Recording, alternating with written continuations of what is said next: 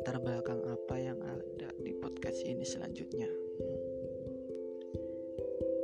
Karena sejatinya saya hanya ingin berbicara di halayak sosial media. Meski tidak menampakkan muka, semoga para pendengar akan juga terbawa suasana. Terima kasih untuk kalian yang sudah Semoga selanjutnya akan mendapatkan kesan.